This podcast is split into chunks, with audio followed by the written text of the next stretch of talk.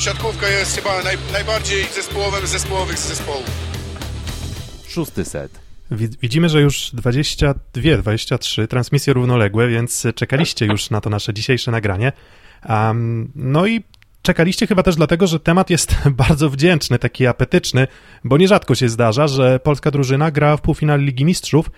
Nierzadko się zdarza, że w tym półfinale Ligi Mistrzów nie musi niekoniecznie być underdogiem, nie musi być drużyną słabszą i niekoniecznie się zdarza, że w tym półfinale Ligi Mistrzów zmierzy się e, z no, tak utytułowaną, no, legendarną drużyną jak e, Zenit Kazań. Przed meczem Zenitu Kazań z grupą Azoty Zaksą Kędzierzyn-Koźle jutrzejszym spotkaniu opowiedzą wam Piotr Złoch z Warszawy. Z Rzeszowa Filip Korfanty, cześć. Kuba? I jesteś? Kuba Lewandowski, cześć. Tak, Kuba, Kuba też jest, tak, więc... i Kuba Lewandowski, cześć. Super, tak. e, super. Jesteśmy, jesteśmy we trójkę, mamy nadzieję, że wszystkich nas słychać. Dawajcie znać, jak coś to e, reakcja wasza jest jak zwykle mile widziana, wskazana. Komentujcie to, co, to, co mówimy. Zgadzajcie się, nie zgadzajcie się z nami, bo w zasadzie do tego to się wszystko sprowadza. Robimy to dla siebie, robimy to przede wszystkim dla was. Mm, no właśnie, taki ty tytułem takiego wstępu, o którym mówiłem, czyli o tym legendarnym Zenicie Kazań, no i właśnie gdzieś na tej grafice transmisji, którą też powinniście widzieć, zadaję następujące pytanie. Czy ten Zenit Kazań jest ciągle wielki? Bo to, że był wielki, co do tego chyba nikt nie ma żadnych wątpliwości. Um, mówią o tym same za siebie sukcesy Zenitu Kazań, historyczne, tak?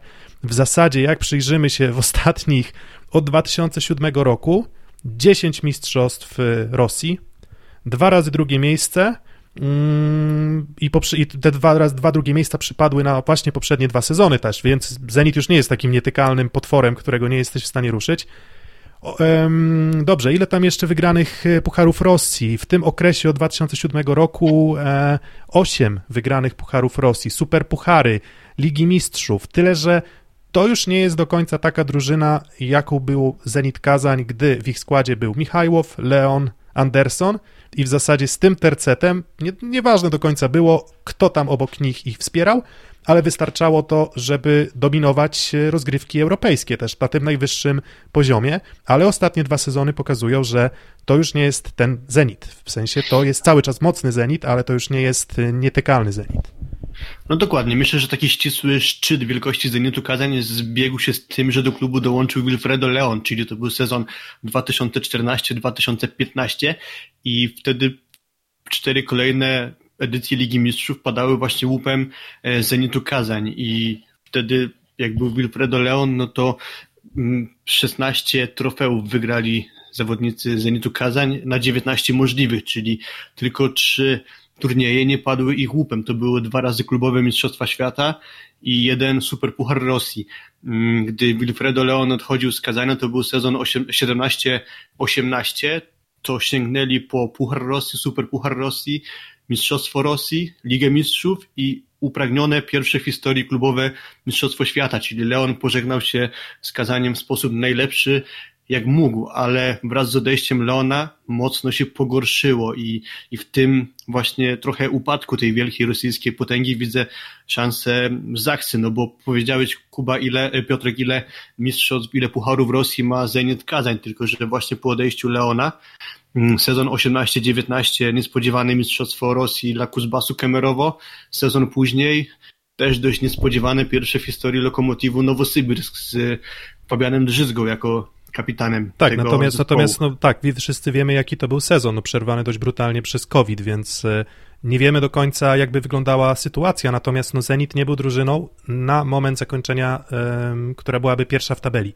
Wtedy Lokomotiv tak, Nowosybirsk z uwagi na przerwane, na przerwane rozgrywki, no ten, tego sezonu po prostu w Rosji dokończyć się, e, się nie udało. E, Kuba, ty masz jakieś konkretne wspomnienia z tym Zenitem Kazań Wielkim, bo, bo oni wydawali się być no właśnie nietykalni, tak, że, e, że, że, że już trochę nudne się robiło to, że w zasadzie oni rok w rok przyjeżdżali, dominowali tę Ligę Mistrzów.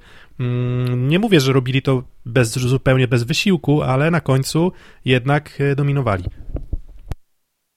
No takie wspomnienie największe chyba to ostatni mecz Leona w ich składzie, e, czyli spotkanie, które tutaj było z ówczesną Kuciny Lubek, gdzie grał chociażby Sander, no i ten fantastyczny mecz, ten turniej Final Four w Kazaniu, gdzie też grała nasza Zaksa wtedy, jeszcze z Mauriciem Torresem na ataku. No i fenomenalny wtedy Wilfredo Leon, który tak naprawdę kończył sety asami.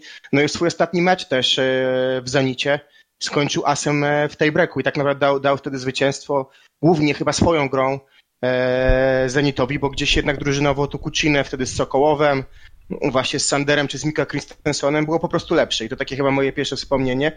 Jest też dużo wspomnień spotkań polskich drużyn, e, chociażby właśnie o czym mówił Filip, jeżeli chodzi o, o klubowe mistrzostwa świata i tam na przykład niespodzianki, jakie potrafiło na Zenicie sprawiać Jastrzębie. E, wtedy pod wodzą Bernardiego z Michałem Kubiakiem na przykład i Michałem Łasko. Mm, to, czy to były, to były te klubowe mistrzostwa świata, w których wprowadzili ten taki dziwny pomysł na atak z drugiej linii? Dobrze, dobrze pamiętam? Czy, czy, Chyba czy oni, nie, czy, chyba nie, nie. ale może, może to były te właśnie. No właśnie, nie, nie, nie, nie. finałowy Ligi Mistrzów w Wankarze, gdzie Jastrzębski Węgier pokonał w meczu o brązy Zenit Kazań właśnie, e, a o klubowych mistrzostwach świata nie kojarzę. Możliwe, że coś nam się pomieszało z tymi klubowymi mistrzostwami świata. Mm, no tak, no ale właśnie, no ale to tak czy inaczej, to też była historia przeplatających się wątków polsko-rosyjskich, tak? Jakby no z uwagi na to, że te ligi dominujące w Europie, no w zasadzie są trzy.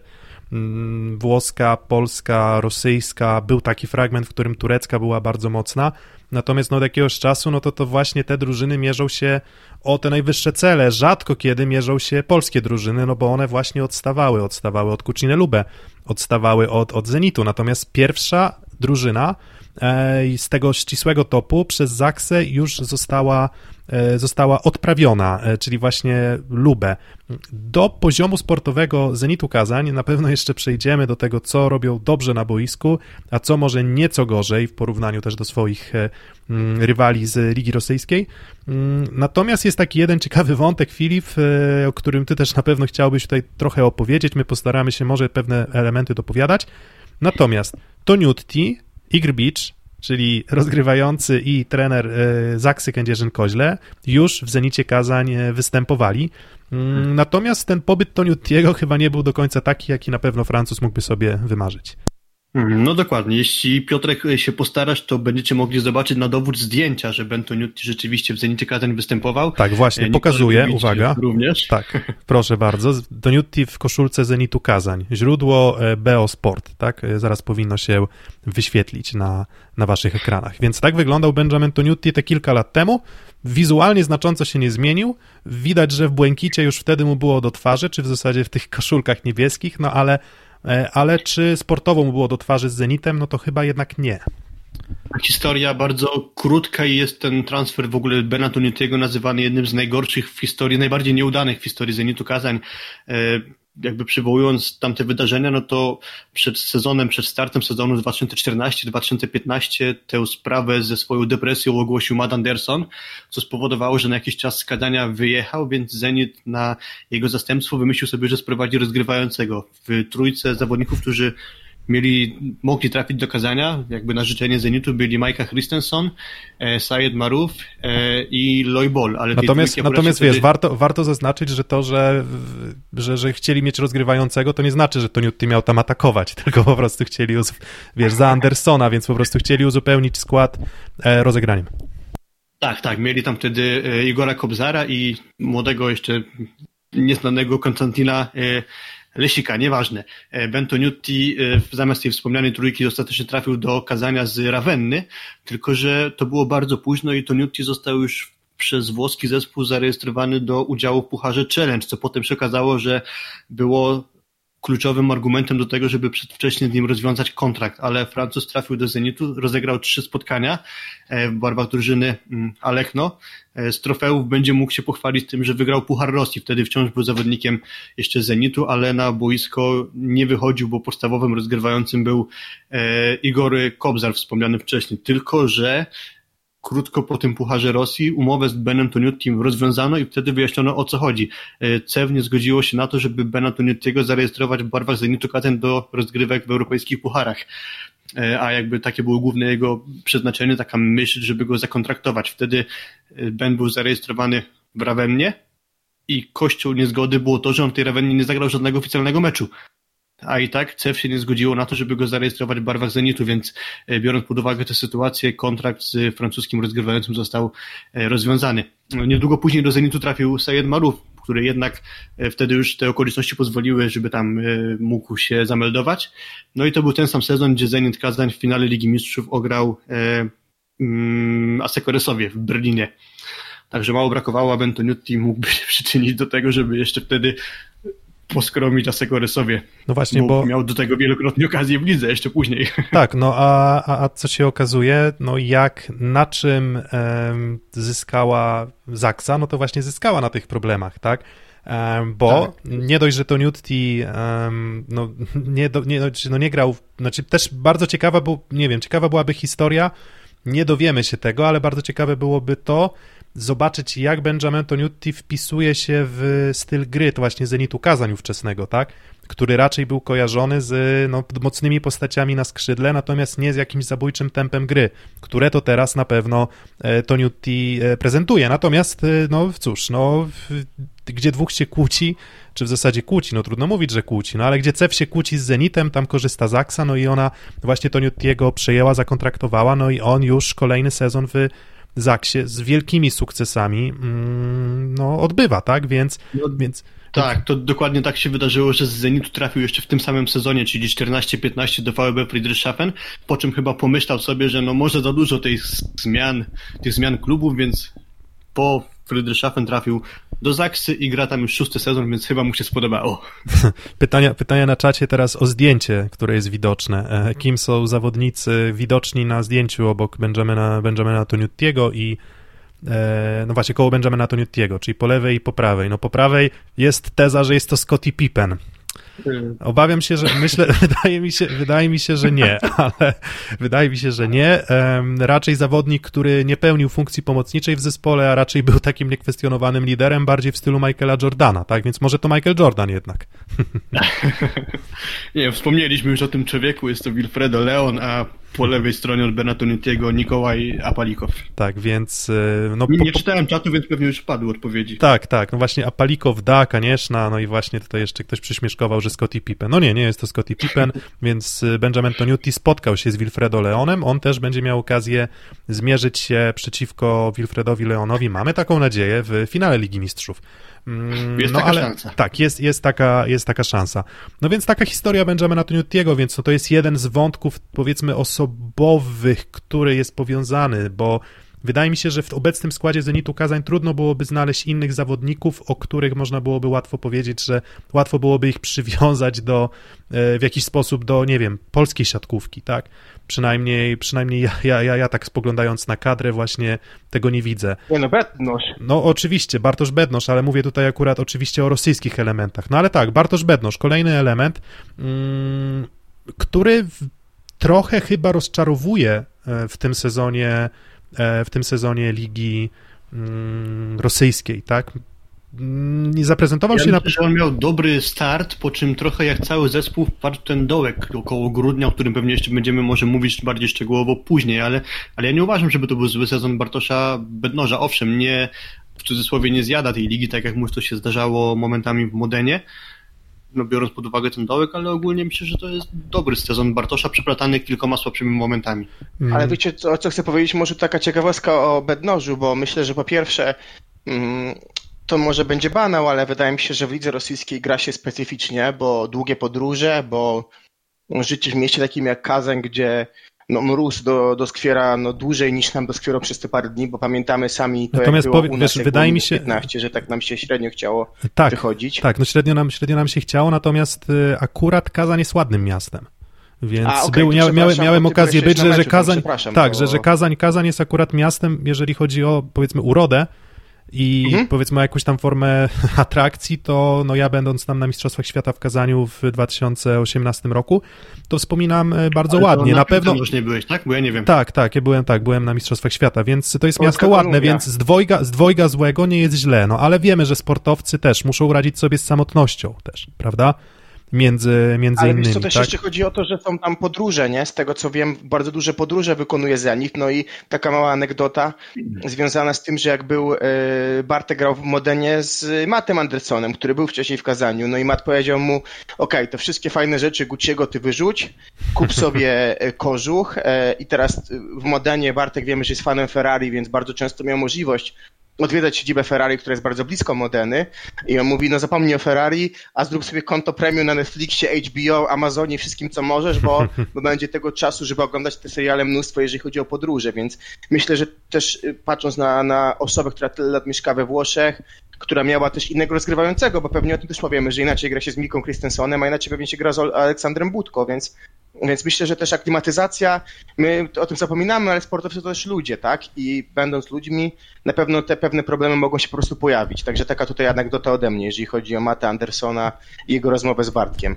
No tak. E, wiesz co, ja sobie to przypomniałem, nawet mam ten cytat dokładnie właśnie z Andersonem to leciało tak, że będąc we Włoszech, pożegnaj się ze słońcem. Zimą w Rosji będzie ciemno. Pamiętaj zasubskrybować Netflixa, bo będzie dużo lotów.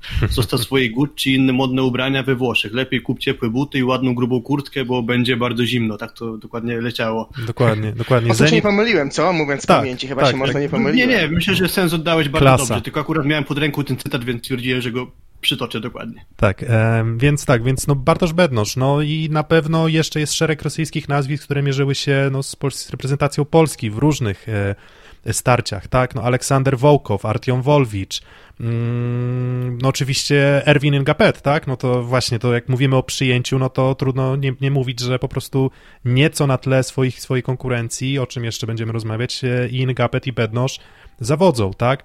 Mm, Michajłow, tak? No to oczywiście, no to legenda, tak? On, on też wygrał w zasadzie wszystko. E, wygrał w zasadzie wszystko i nawet wygrał finał Igrzysk Olimpijskich grając na przyjęciu, prawda? więc, e, tak. więc, więc on... Po, no, jak, no... jak szukamy jakichś wątków jeszcze z Polską, no to nie sposób nie wspomnieć o Łukaszu Żygadle, który trafił do Kazania, ale żadnego oficjalnego meczu w barwach zespołu Alekno nie zagrał, a to się w sumie wiąże po części z drugą osobą, e, z Zaksy, która ma w swojej historii drogę przez y, Zenit Kazań, czyli mówię o Nikoli Grybiciu, więc Piotrek, może tak. to jest ta okazja, jakbyś mógł pokazać dowód, czyli Nikola, Nikolę tak, Grbicia. Patrzcie, patrzcie, tak wygląda Nikola Grbicz. Nikola Grbicz już powinien być na waszych ekranach. Tak wygląda Nikola Grbicz z wielkim pucharem, potężnym pucharem. No i też jest co, Tomaso Totolo widzę na ekranie, e, Matt, Matt Anderson, tak, no więc, e, więc jest też kilka innych wątków, właśnie Tomaso Totolo. No ale właśnie, Nikola Grbicz. Mm, jaka, jaka była historia tego, że on trafił i zdecydował się na to, żeby po wielu latach w, pobytu w, we Włoszech, właśnie z tym słońcem, no coś go jednak ruszyło, może w kwestie finansowe, żeby jeszcze, jeszcze spędzić sezon w Zenicie Kazań, no i z sukcesami.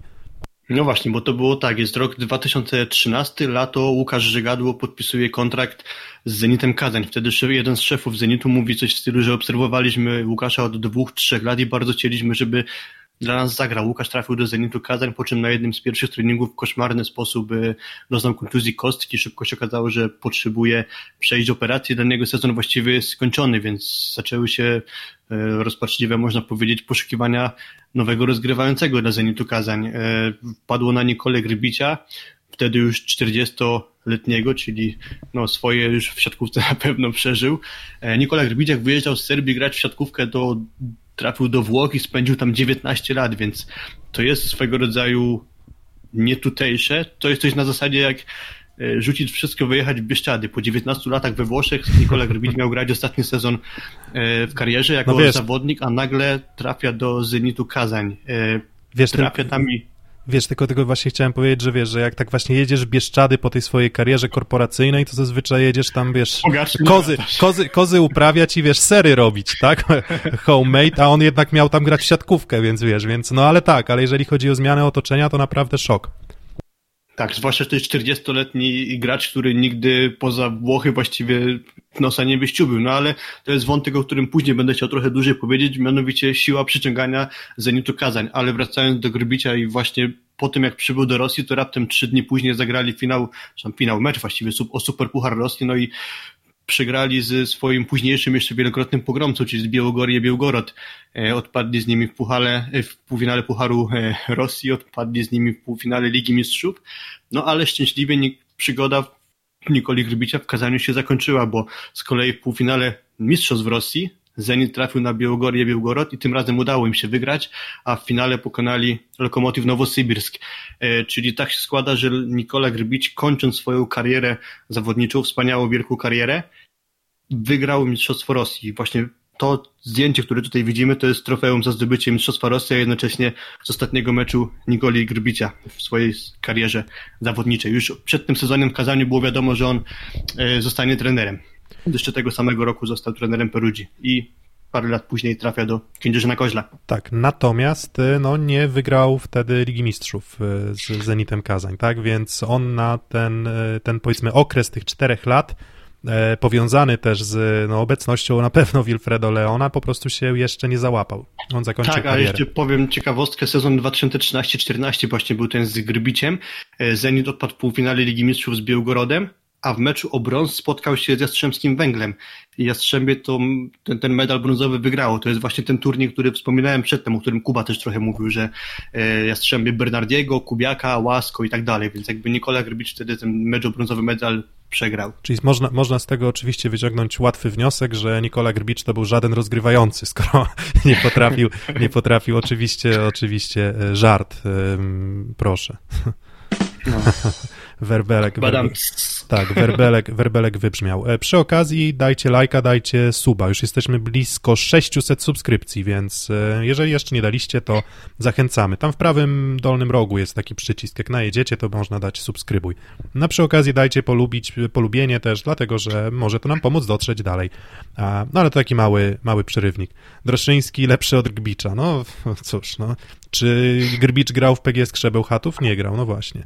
Mm, No i, no i wiesz, i ten wątek jeszcze tak kontynuując tę historię, to faktycznie mm, Zenit na pewnym etapie swojego rozwoju był w stanie przepłacić wszystkich i w zasadzie wybierał sobie tych zawodników, na których miał ochotę. W większości wypadków to działało, no i gdzieś tym trzonem, o którym wspominałem, e, drużyny, no to właśnie od w tych latach zwycięskich Ligi Mistrzów, no to właśnie był Wilfredo Leoni, e, Matthew Anderson, no i właśnie Maksim Michajłow, który też już tych sezonów w Zenicie gra mm, naście chyba, jeżeli, jeżeli dobrze niemal, pamiętam. niemal całą karierę, można powiedzieć, w wieku mniej więcej około 19-20 lat z Jarosławicza Jarosław trafił do Zenitu i, i tak już został. Dokładnie, lata. więc, więc ten trzon, e, trochę zmieniało się to, kto tam uzupełniał tą drużynę, tak? Natomiast, e, natomiast co do zasady, no właśnie Leon, właśnie Anderson byli tymi zawodnikami, którzy, którzy no, ciężko było, na pewno, ciężko było walczyć z Zenitem na budżet, ciężko było walczyć na, na pieniądze, z Zenit, na pieniądze, Zenitem na, dokładnie. na pieniądze. E, Przedtem powiedziałem o tym, że Zenit ma dużą siłę przyciągania, właśnie do tego chciałem nawiązać, bo tam oprócz Grybicia chociażby grał inny znakomity swego czasu rozgrywający, czyli Loibol. Ja czytałem jego autobiografię i uwielbiam ten cytat, więc tutaj go jakby przytoczę na wątek dyskusji o mocy przyciągania Zenitu Kazań, jeśli pozwolicie. Mm, Pieniądze były zbyt duże, żeby odpuścić. Około miliona dolarów nie zarabiał żaden siatkarz. Podpisałem kontrakt tylko na rok, bo to była Rosja, a potem dopiero na jeszcze jeden. Kwota była tak wielka, nie sądziłem, że rzeczywiście ją otrzymam. Zadzwoniłem do mojego agenta i powiedziałem, potrzebuję jednej trzeciej tych pieniędzy, zanim w ogóle wsiądę do samolotu. Następnego dnia pieniądze były na koncie. Pomyślałem wtedy, to poważni ludzie, nie mogę ich zawieść. Więc jakby to jest siła przyciągania Zenitu Kazań. E, Też myślę, że to się wiąże trochę z tym, że trafił tam Bartosz Bednysz, że jak trafia do ciebie na stół oferta z Zenitu Kazań, no to jednak mimo tej przestrogi od Mata Andersona, mimo życia w słonecznej Italii, jednak jesteś w stanie to rzucić i do drużyny Alekno się załapać i spróbować swoich sił. No i też wiesz, i też oczywiście no nie, nie, nie ma co udawać, że Zenit Kazań też organizacyjnie jest drużyną e, bardzo dobrze z, z, zorganizowaną, nomen omen. Um, no bo nawet jak, nawet jak takie małe akcenty, jak spojrzymy na ich aktywność w social mediach, no to jest w tym dużo humoru, jest w tym dużo pomysłu też na to, w jaki sposób tę te, te, te, te, tę wizję klubu tworzyć, więc e, to jest trochę w stylu, czytałem ostatnio o Paris Saint-Germain w piłce nożnej, że, czy Paris Saint-Germain, e, że mm, to jest e, jakby poza tym, że mamy gigantyczny budżet z uwagi no, na pieniądze z Kataru, no tutaj akurat Zenit Kazań wspierany e, pieniędzmi, Petrodolary. tak, petrodolarami z Gazpromu, no to właśnie staramy się zbudować jakąś tam markę. Oczywiście, zachowujemy wszelkie proporcje, no bo inną rzeczą jest e, gigant piłki nożnej, a inną rzeczą jest gigant e, siatkówki. Natomiast wydaje mi się, że, że oni po prostu też dobrą robotę wykonują w tym aspekcie organizacyjnym. A i też coś, co jest myślę, co może ich trochę blokowało, ale w jakimś tam sensie pozwoliło wyrównać szanse, są też zasady Ligi Rosyjskiej, w której na, bo, na boisku możesz mieć maksymalnie dwóch obcokrajowców, prawda? Mm, więc teoretycznie Dlatego właśnie swego czasu przecież kontraktowano dodatkowych zawodników pod Ligę Mistrzów i takim przykładem chyba jest chociażby Salparow. Dokładnie. E, libero przecież piłkarski. Tak, trochę, trochę jak e, Lauri, Lauri Kerminen w tym, w tym roku w Dynamie Moskwa też. Tak, teraz Lauri Kerminen, dokładnie.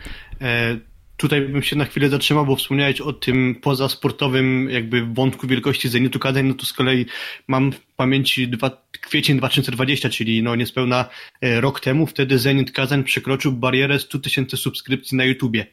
To był pierwszy klub siatkarski, który taką liczbę subskrypcji zdobył.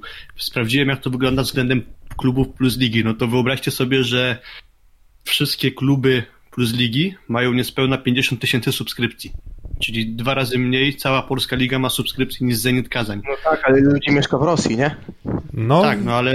Wiesz no co, no, dokładnie, tak, no mimo ale proporcjonalnie, razy- proporcjonalnie to chyba i tak mnie, mnie to zaskakuje. E, Nawet przy liczeniu na liczbę mieszkańców w Rosji. Mhm. To jest marka, można powiedzieć, globalna właściwie. To myślę, że śmiało można tak powiedzieć. E, Myślę, że Zenit jest, obstawiam, że jednym z bardzo niewielu, albo nawet może jedynym klubem, który został na okres przygotowawczy zaproszony do Korei Południowej. To jest z kolei 2017 rok i Koreańczycy po wielu latach skusili siatkarzy Zenitu Kazań do tego, żeby tam przylecieć i traktowani siatkarze Zenitu byli, można powiedzieć, jak królowie Koreańczycy zdecydowali się, że pokryją koszty zakwaterowania, jedzenia, transportu. Mówisz, mówisz prawie, jak, tam polecą prawie jak członkowie, wiesz, K-poperskich e, tych boys prawda? bandów, Boys bandów. bandów. No albo jak wiesz, piłkarze w Japonii, no, najczęściej Manchesteru United, czy Bayernu, czy Realu i tak dalej. No właśnie, więc Mhm. oczywiście, no wiemy, wiemy o jakim sporcie rozmawiamy, no pod wieloma względami siatkówka nie ma startu do, do tych y, naj, największych sportów, ale to też pokazuje, zachowując odpowiednie proporcje, przykładając je właśnie do takiego sportu jak siatkówka, to są rzeczy, które no, dzieją się bardzo rzadko, więc właśnie Zenit Kazań też organizacyjnie jest bardzo dobry. Mm, No i cóż, no i wiadomo, no też postaci na ławce trenerskiej, tak, czyli no, czy, czy w zasadzie jedna główna e, główna postać, tak, czyli Władimir Alekna, tak, Mm, no to jest trener, który, który tak, który już bardzo długo e, prowadzi tą drużynę. I, i no tutaj też, no znowu, jakbyśmy szukali przy, przyrównań, jakichś porównań, no to co, no to trochę taki Sir Alex Ferguson. Mm, Sir Alex Ferguson może z rynku siatkarskiego Marcelo Mendes, który już od wielu lat jest chociażby w stadzie Cruzeiro, no i może Bernardo Rezende, który wiele lat prowadził reprezentację Brazylii. A ja bym go do kogoś innego porównał, bo bym go porównał, bo trochę muszę powalczyć o posiadanie mikrofonu, bo jestem w strasznej defensywie dzisiaj. Dobra, dobra. E, porównał może go do Jose Mourinho, takiego trochę maga siatkówki, bo pewnie gdzieś e, dwie, dwa zdarzenia wszyscy, wszyscy słuchacze kojarzą. Geniuszu pewnego Alekry, no przede wszystkim pierwszy finał w Łodzi. E, mecz, w którym no, z- skra była wid- wyraźnie lepsza i tak naprawdę pomógł pewnie trochę takie cwaniactwo Vermilio, który dał decydujące piłki do Biereszki. I pomógł Alekno, kiedy widząc, jakim gazie Mariusz wlazł, bo on kończył wtedy wszystko. Mamy piłkę meczową dla, dla Skry w finale. Bierze pierwszy czas Alekno. Mówi otwarcie zawodnikom, że bierze zaraz drugi czas. Idzie Mariusz, znowu się szykuje, jest, no chce skończyć z przytułem asem, MVP pewne. Bierze drugi czas, Mariusz wraca i trafia w półsiatki. No to punkt, nie wiem czy jest, no teraz w czasach challenge można powiedzieć, że punkt zdobył trener, tak? Bo czasami czegoś nie łapie drużyna, a wyłapie trener, ale wtedy to przykład y, punktu zdobytego przez trenera. I druga rzecz, no finał olimpijski. Trochę, trochę jak Gardini ze śliwką, nie? Tak poważnie to, e, to 2-0 dla Brazylii, gdzieś tam idą po, po, po to złoto w Londynie i nagle taka decyzja, myślę, że to akurat było Alekny, z tego co też się orientowałem, że Dima Muserski idzie na, na, na atak, wchodzi też na boisko, e, ojeny, jak on się nazywał, 40-letni Tietjuchin, Mhm. i, i, i z tym składem, e, głównie Budko grając do, do, do Dimy, który kończył wtedy wszystko, zdobywa, zdobywa mistrzostwo olimpijskie. Wiecie, Także jest- no taki trochę, mówię, Jose Mourinho pod takim kątem takich ruchów absurdalnych, tak? Takich nieprzewidywalnych. Gdzieś, gdzieś ten geniusz zawsze zalekny wychodził i, i, i myślę, że dziś jakbyśmy szukali pewnie najlepszego trenera ostatniego dziesięciolecia, to chyba chyba nie ma wątpliwości, tak? Może, może Bernardo Rezende, ale myślę, że jednak Alekno. Jest taki, cy- jest taki cytat przypisywany Albertowi Einsteinowi, że no trochę ktoś mógłby zarzucić Aleknie, że w tym finale w, w Moskwie Boże, w Moskwie, w finale w, w Londynie oczywiście, e, on e, oszalał, tak? W sensie, że to wydawała się być decyzja dość szalona, no ale mm, jest taki cytat właśnie przypisywany Einsteinowi, ja nie wiem do końca, czy to jest prawda, że mm, definicją szaleństwa jest robienie czegoś w kółko, za każdym razem spodziewając się innych rezultatów. No i tam w tym meczu te rezultaty były złe, tak? No więc Alekno stwierdził, no nie będę się szarpał i nie będę, nie wiem, czarował jakąś tam pojedynczą zmianą, że kogoś tam zmienię na pozycję, tylko on zupełnie przemeblował jakby styl ataku, tak? Inaczej atakował e, Michajłow z, z lewego skrzydła, inaczej atakował Muserski, który, no nie mogli, nie mogli sobie zupełnie Brazylijczycy z tym poradzić, nie byli, nie byli na to przygotowani. Ciekaw jestem, czy jakieś ciekawostki taktyczne zobaczymy w tym meczu w tym meczu jutrzejszym. No właśnie. No to pozwolę się jeszcze wtrącić a propos Władimira Alekno, no bo Kuba wspomniałeś te dwa wątki, można powiedzieć intuicji, chyba trochę rosyjskiego trenera, no to z kolei mówiliśmy już o tym y, w finale Ligi Mistrzów, Kuba, ty wspominałeś, 17-18, ostatni mecz Wilfredo Leona i wygrana na breaku z Lubę, tylko tam, nie wiem czy kojarzycie, było 11 do 8 dla Lubę już. W tamtym momencie na zagrywkę poszedł Aleksander Budko i zaserwował, sędziowie pokazali out po czym, jak to nazwał Władimir Alekno właśnie w pomyczowym wywiadzie, wola Boża pomogła nam wygrać. Y, poza tej zagrywce autowej Budko Alekno wziął challenge i jest tutaj cytat z jego wywiadu, który też mówi coś o tych dwóch postaciach, które w Zenicie już odeszły, ale przytoczę go w całości. E, dlaczego wziąłem challenge? Wiadomość z góry. Nie potrafię tego inaczej wyjaśnić. Nie wiedziałem dobrze, czy piłka była w boisku, czy nie, ale wiem, w jaki sposób reagują zawodnicy. Czasami ktoś prosi o sprawdzenie swoich akcji w emocjach, ale niektórzy potrafią zachować chłodną głowę. Na przykład Wilfredo Leon czy Aleksiej Werbow. Proszę ich o pomoc w sytuacjach, kiedy czegoś nie widziałem. Kiedy Budko zaserwował i sędzia pokazał out, spojrzałem na Leona, ale on, słyszając ramionami, powiedział, że nie widział. Zrozumiałem, że sytuacja jest jak na igrzyskach. Jeśli nie spróbuję, mogę żałować. Oczywiście nie byłem niczego pewien. Szansa była jedna na tysiąc, ale trzeba było działać. Wola Boża pomogła nam wygrać. To nie było bohaterstwo z mojej strony, czyli trochę podobna sytuacja, że, że wariactwo jak w Londynie tak, właśnie komentował, i Alekno wygrywa tytuł. No, komentował Jan Wężyk. E, no, nie, no i tu właśnie a propos tych dwóch postaci, czyli Wilfredo Leon, Aleksiej Wier, bo ich już w Zenicie nie ma. No i widać, że były jakby ich atuty takie poza czysto sportowe, że potrafili w ważnych momentach być może zachować chłodną krew i trochę pomóc właśnie w, w słuszności brania challenge. To może mniej istotna sprawa, ale pewnie dla Alekno może być ważne. Tak, no wydaje mi się, że Alekno już się trochę przymierzał do tego, żeby stery oddać jednak w mm, ręce Werbowa Mm, w tym, w tym sezonie, w którym tak to, no, jeżeli niczego nie mylę, oczywiście korygujcie mnie, ale Aleksander Werbow był trenerem Zenitu Kazań, prawda? Z... Aleksiej Werbow był w zeszłym, Aleksiej, Aleksiej, Aleksiej, Aleksiej Werbow tak. E, był z trenerem Zenitu w zeszłym sezonie. To chodziło po prostu o to, że Alekno stwierdził, że musi się trochę poświęcić i podreperować swoje zdrowie. Między innymi e, rok temu w styczniu przeszedł operację kręgosłupa, a to nie znaczy, że go w Zenicie nie było. Pierwszą rolę, jakby rolę pierwszego trenera Wierbo faktycznie pełnił, a Alekno w klubie pełnił rolę trochę nie roz, gadując się za bardzo jak Jacek Nawrocki w obecnej PGS Krze.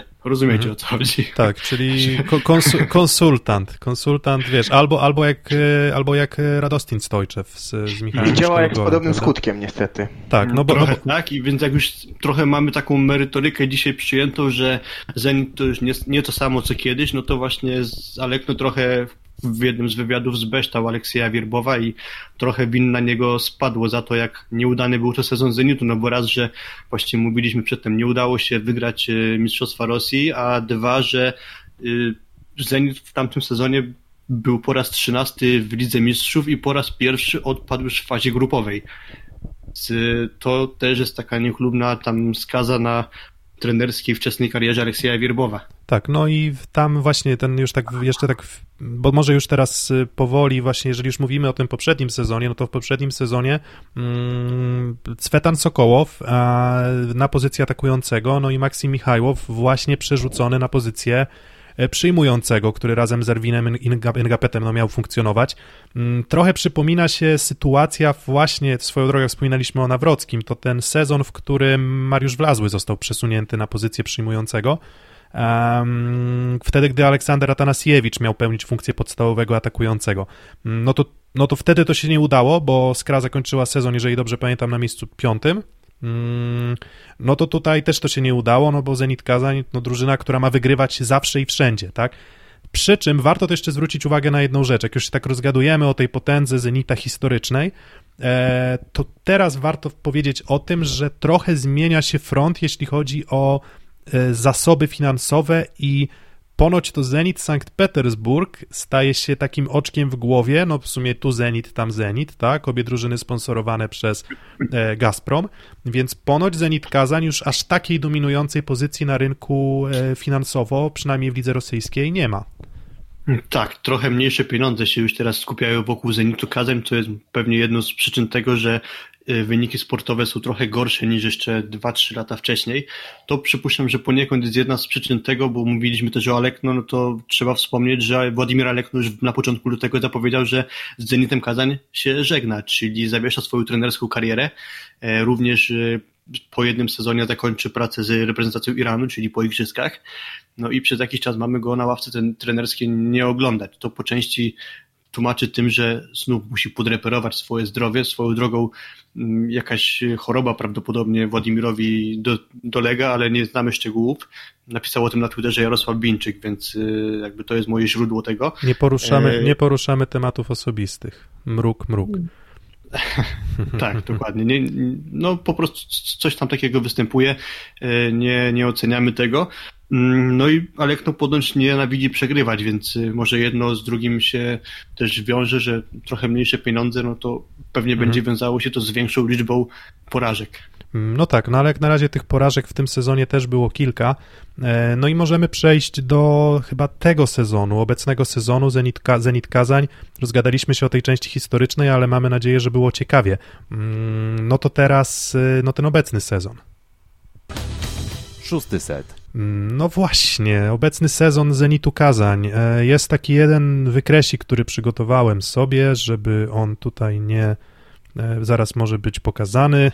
Proszę bardzo, efektywność ataku będziemy tłumaczyć, bo oczywiście jesteśmy też e, mocno zaangażowani w mm, jesteśmy mocno zaangażowani w też te powiedzmy elementy statystyczne. Ja to chyba w ogóle wyjątkowo, no bo właśnie lubię siatkówkę tłumaczyć też liczbami. Więc tak, jakby czym jest efektywność ataku, no to to jest y, w uproszczeniu skuteczność ataku, od której odejmujemy mm, ataki zablokowane i popełnione błędy w ataku. Jak widzicie, po dobrym początku Zenitu Kazań, przynajmniej statystycznie, zjeżdżamy, zjeżdżamy w dół, tak? I o właśnie, dobry komentarz, notujemy są wykresy. No właśnie, notujcie, właśnie, wyjmijcie. Z śmiać. Wyjmijcie tak, wyjmijcie tutaj al, jakieś almanachy wasze. I, dokładnie, dokładnie. I notujemy, tak? Ja lubię, ja lubię wykresy, ale myślę, wykre, że. Te wykresy, że tak Piotrek ci przerwę, są do zobaczenia na Twitterze Piotra Złocha tutaj obecnego, więc nie przepadną. Tak, dokładnie, więc dokładnie, więc e, slajdy, wysla, slajdy wysyłamy po tym, slajdy wysyłamy po, e, po, po zajęciach, po zajęciach w formie PDF-u, tak, a, a, pytania, a pytania otrzymacie nie, później. e, więc e, jasne, ale tak jasne, żartujemy trochę z tego, ale ja, ja to lubię, więc e, spójrzcie na tę linię, no jest taka linia pomarańczowa, ona mówi o tym, że o takim średnim wyniku w lidze rosyjskiej, e, natomiast zwróćcie uwagę, że w zasadzie był taki moment, w którym po dobrym początku sezonu Zenit Kazań grał coraz gorzej i coraz gorzej i coraz gorzej, tak?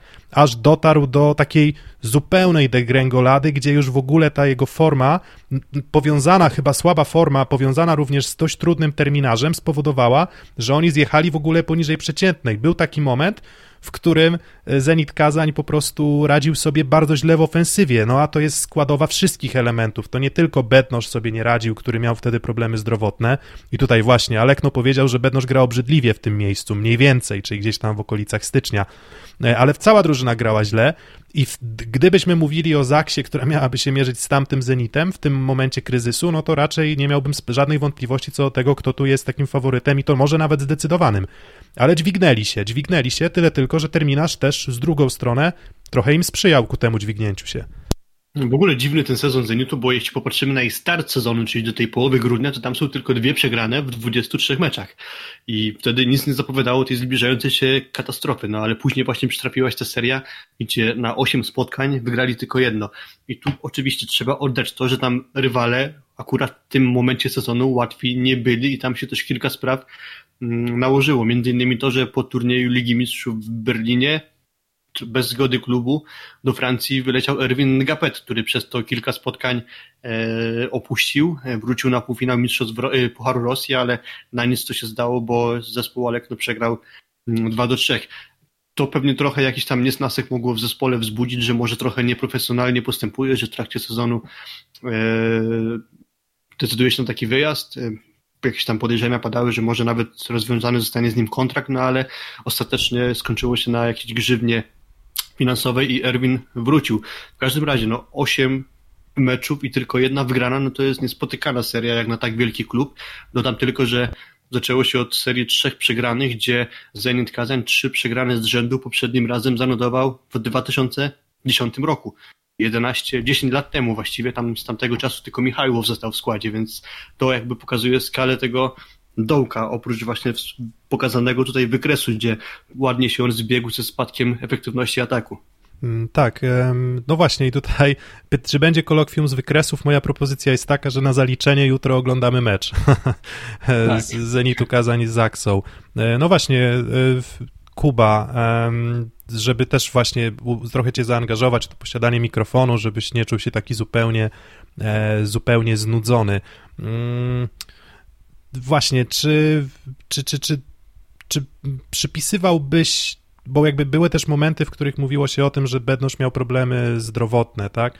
Hmm, czy uważasz, że jakby te słowa, o których mówił Alekno, o tym, że tam Bednosz gra obrzydliwie, były słuszne? Jakby, czy, czy, czy, czy uważasz, że warto, czy można je obronić, czy po prostu było to pewne naciągnięcie, a może też próba takiej mind game, czyli wepchnięcia większej odpowiedzialności właśnie w ręce Bednoża, czy też tego, żeby się dźwignął?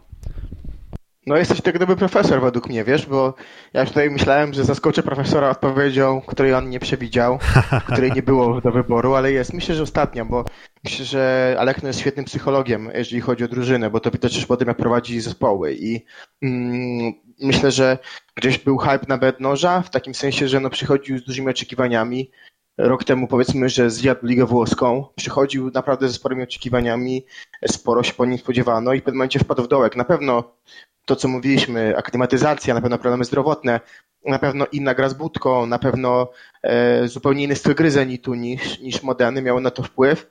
E, no i myślę, że też zmęczenie pewne jednak tym graniem w lidze rosyjskiej, które jest inne, czyli tak, wydaje mi się, że po pierwsze mm, no jednak uderza się trochę mocniej, dwa, zupełnie inny sposób gry defensywnej, o tym sobie na pewno za chwilę powiemy Zenitu, czyli taki dużo mniej e, przyjemny do gry, to znaczy trzeba się dużo bardziej silić w obronie albo w bloku, żeby zostawić piłkę po swojej stronie. To jest moje zdanie.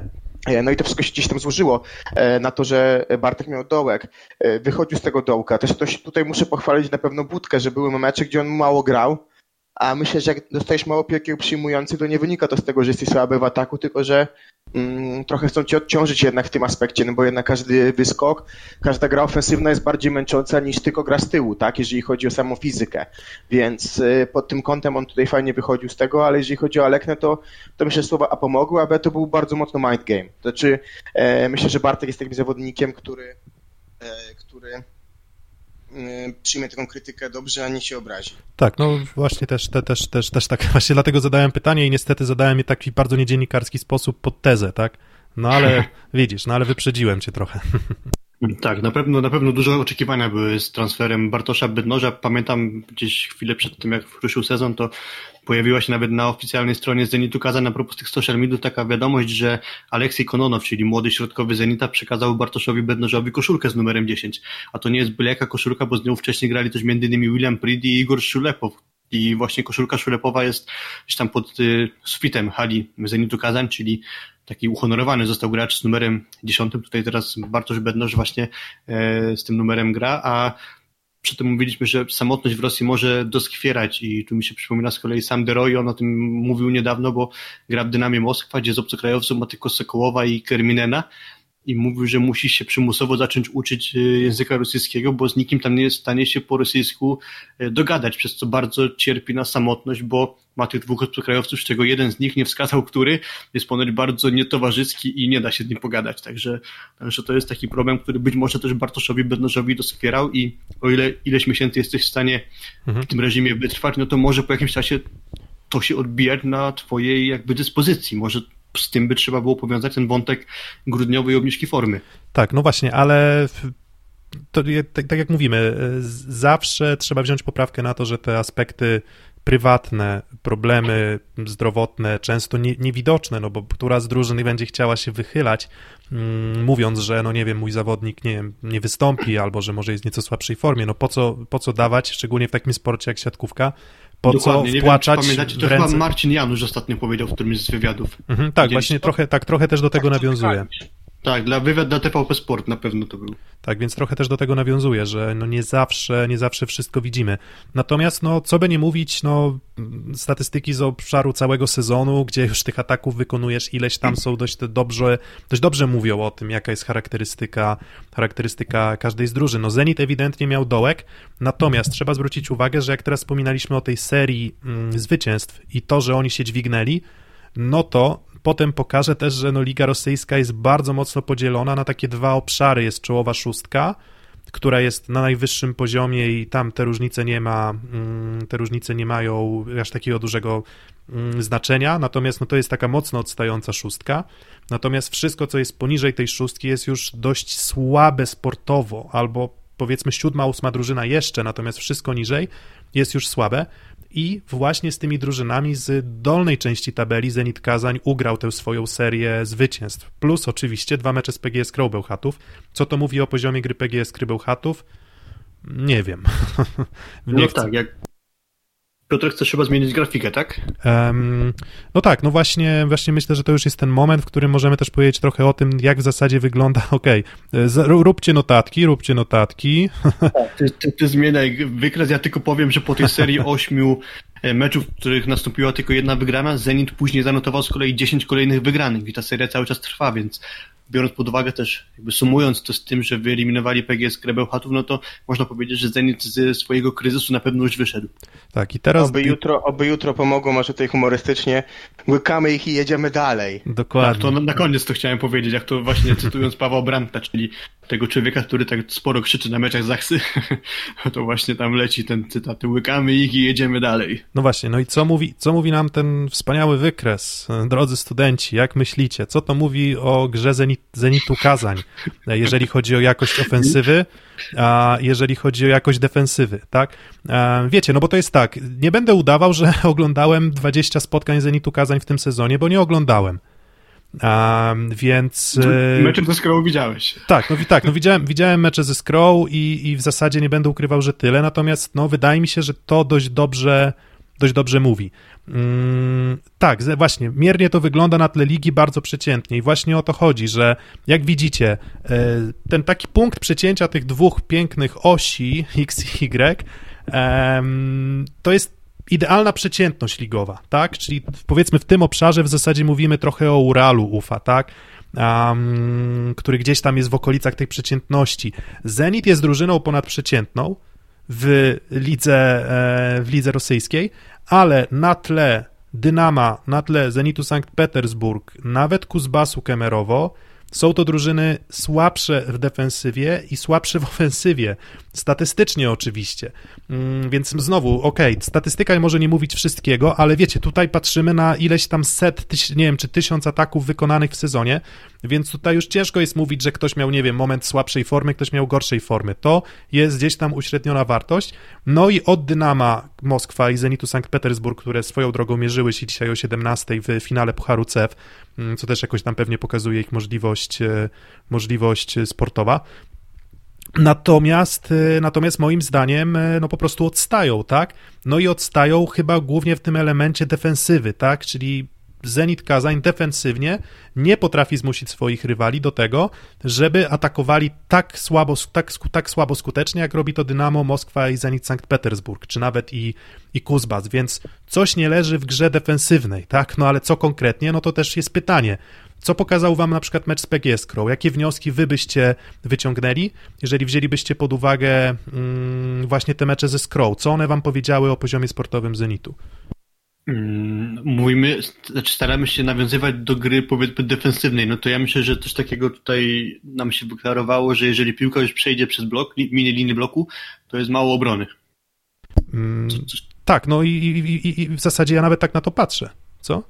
Jest, no, patrzysz tak sobie... Się pat... wydaje, że to może być coś w tym, e, no racji, prawdy. Tak, no i, i, i znowu, no to są tylko dwa mecze, natomiast no ewidentnie jest tak, że e, Dynamo ma też troszeczkę cięższą zagrywkę, Dynamo Moskwa, tak, więc Zenit Kazań ma mocną zagrywkę, natomiast też paradoks tego wykresu i paradoks ogólnie sytuacji w lidze rosyjskiej jest taki, że dobrze, że na przykład Zaksa nie musi się mierzyć z Dynamem Moskwa, bo wydaje mi się, że, że mogło być dużo trudniej. Ale też mi się wydaje, że wiesz co widać po Zenicie było widać po meczu ze Skrą i nawet pewnie w twoich liczbach, no, oni dość sporo błędów robią. Eee, a tutaj na przykład, jak pokazał mecz ze Strzępiem, Zaksek prawie w ogóle nie robi. Więc to jest jedna rzecz, która jest dużym plusem, bo my nie patrzymy na siatkówkę w ten sposób, a zobaczmy, mm, jak dużo dają niezrobione błędy.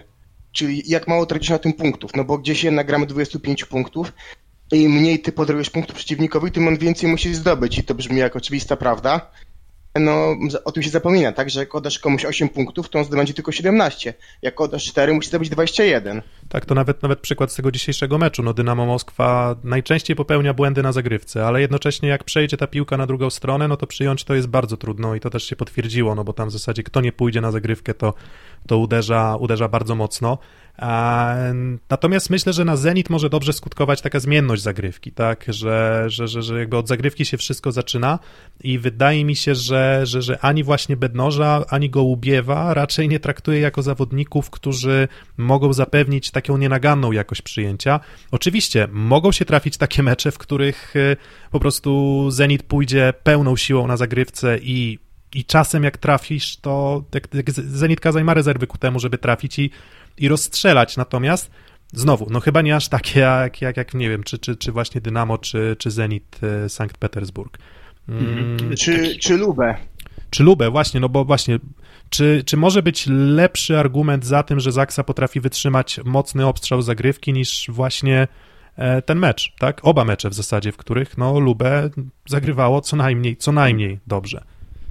Wiecie, jesteśmy po tym, jak Zaksa to Lubę właśnie ograła. To jest ważny argument w kontekście ewentualnej wyższości Zaksy nad y, Zenitem, no bo porównałbym personalnie te dwie drużyny, no to widzę dwie duże wyrwy względem właśnie włoskiej ekipy, czyli środek siatki to jest w Zenicie nie ma Simona i w Zenicie nie ma Balaso. Czyli chcę tutaj przez to powiedzieć, że Gołuby jest dla mnie libero niepasującym do zespołu mierzącego w cele około zenitowe. Pasuje paszportem. No, Wiesz. Tak, ale to jest jakby trochę zasługa paszportu, że, że Gołubie wygra w Zenicie Kazań, no bo jednak jest trochę problem z mm, takim traktowaniem dobrego rosyjskiego libero, po prostu bo jest bardzo wąski rynek.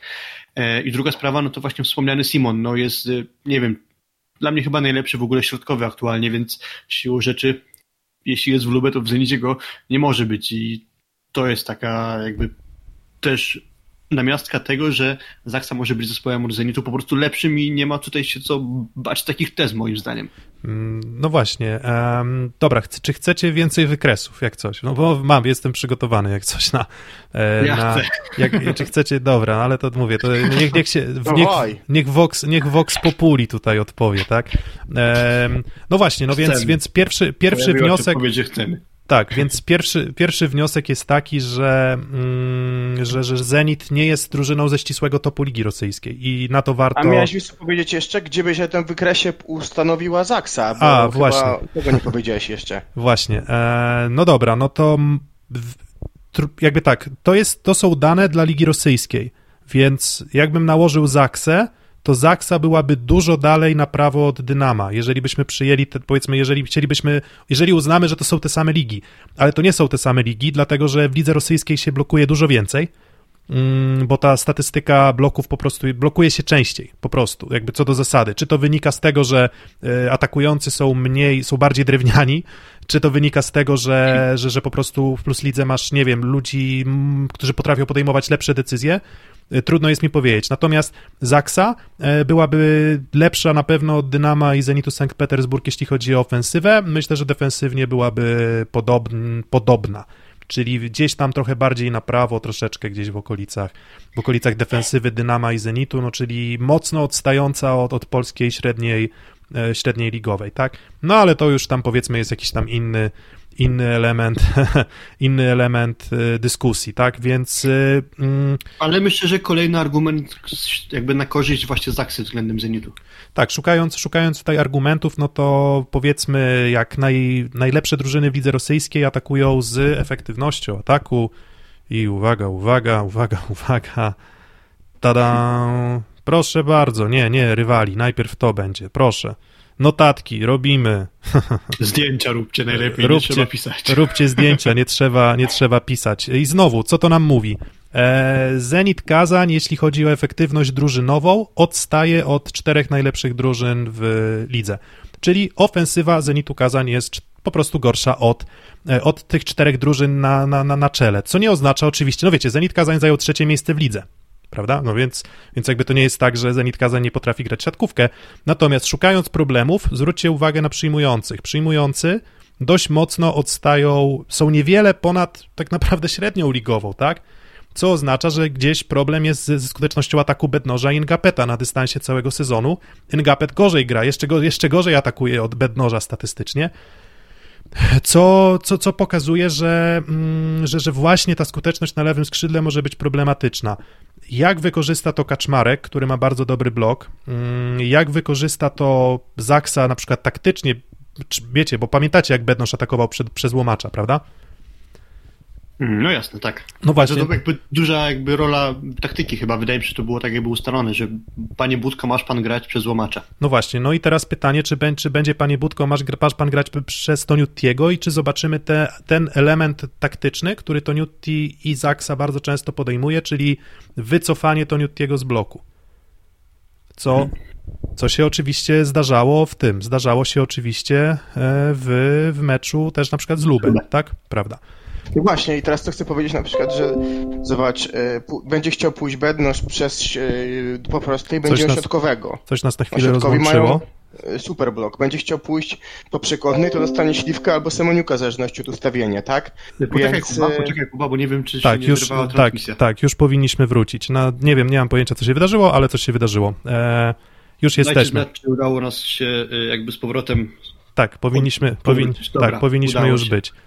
Kuba, No. możesz jeszcze raz powiedzieć, bo No więc jeżeli skończyliśmy na tym, że jeżeli będzie grał znowu Bednosz na, na rozgrywającego, czyli teraz na Bena i Zaksa będzie wykorzystywać to, co robi często przy gorszym przyjęciu przeciwników, e, czyli cofać Bena, i, no to będzie przez prostą będzie miał środkowego, ciężko, przez e, przekątną będzie miał śliwkę albo semeniuka. No, no nie, nie będzie tak łatwo na pewno jak ze Skrom. Pytanie natomiast na ile czego się obawiam, na pewno Michajłowa się bardzo obawiam, jeżeli chodzi o, o jutrzejszy mecz. Ale tu pewnie zaraz powiesz, Piotrek.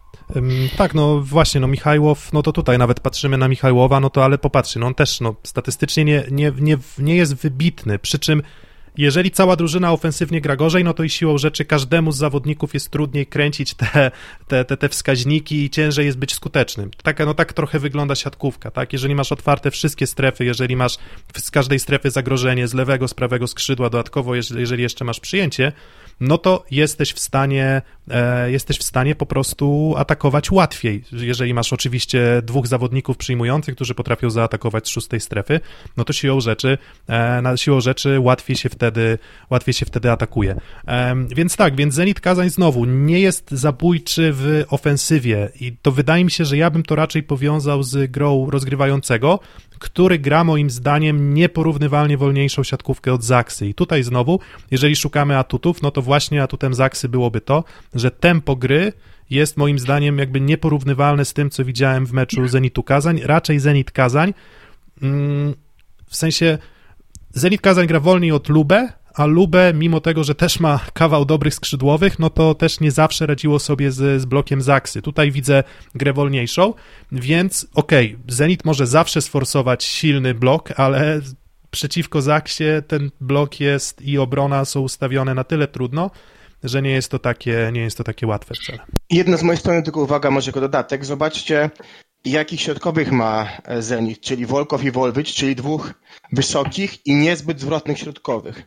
A zobaczcie, jak na przykład Simon był rozrzucany przez Toniutiego pipami.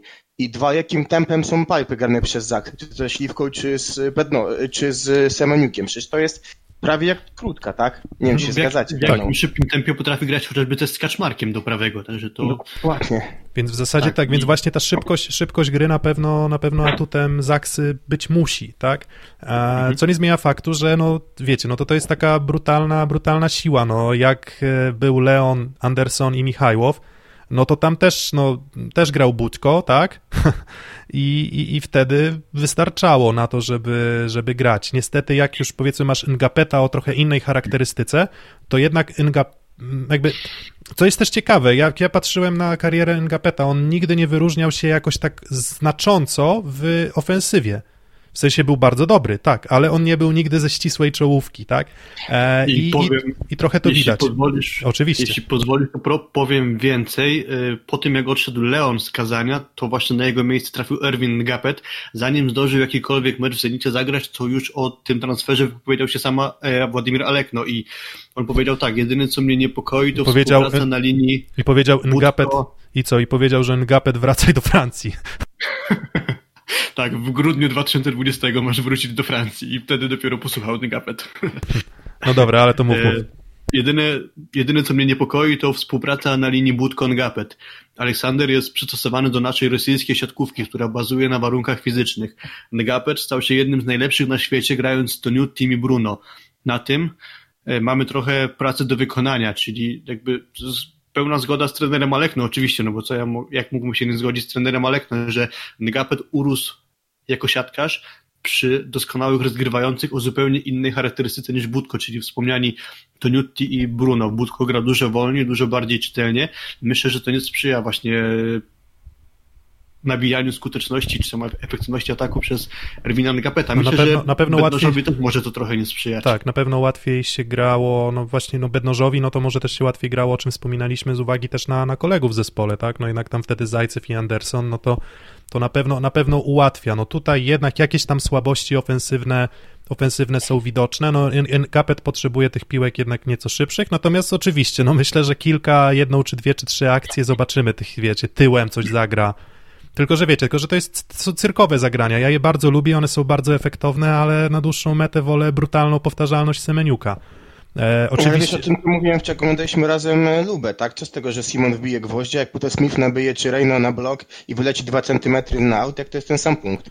Dokładnie, e, więc, więc tak, więc ofensywnie, wiecie, i teraz znowu, czy Zenit Kazan jest ciągle wielki? Wracamy znowu do tego pytania z tytułu naszego live'a no to jest cały czas mocną drużyną, tak? Wiecie, to, to nie mówimy o drużynie, która znacząco, znacząco prze... ale nie jest to drużyna, która przerasta Ligę Rosyjską. Na pewno.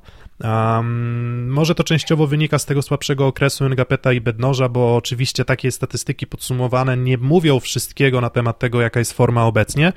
E, natomiast no, pokazują jednak pewien problem, czyli pewien problem ogólnie z jakością e, ofensywy dokładnie skrzydeł, no bo środkowi w zasadzie czy Wolwit, czy Wołkow, gdy dostaną piłkę na, na zasięgu, no to to też, też nie, będzie, nie będzie im tak łatwo. Mm, natomiast po drugiej stronie myślę, że z kolei Kuba Kochanowski, on zdąży już wznieść się na ten swój pełny pułap, zanim w ogóle Wołkow i, i Wolwicz be, i będą w stanie do niego doskoczyć.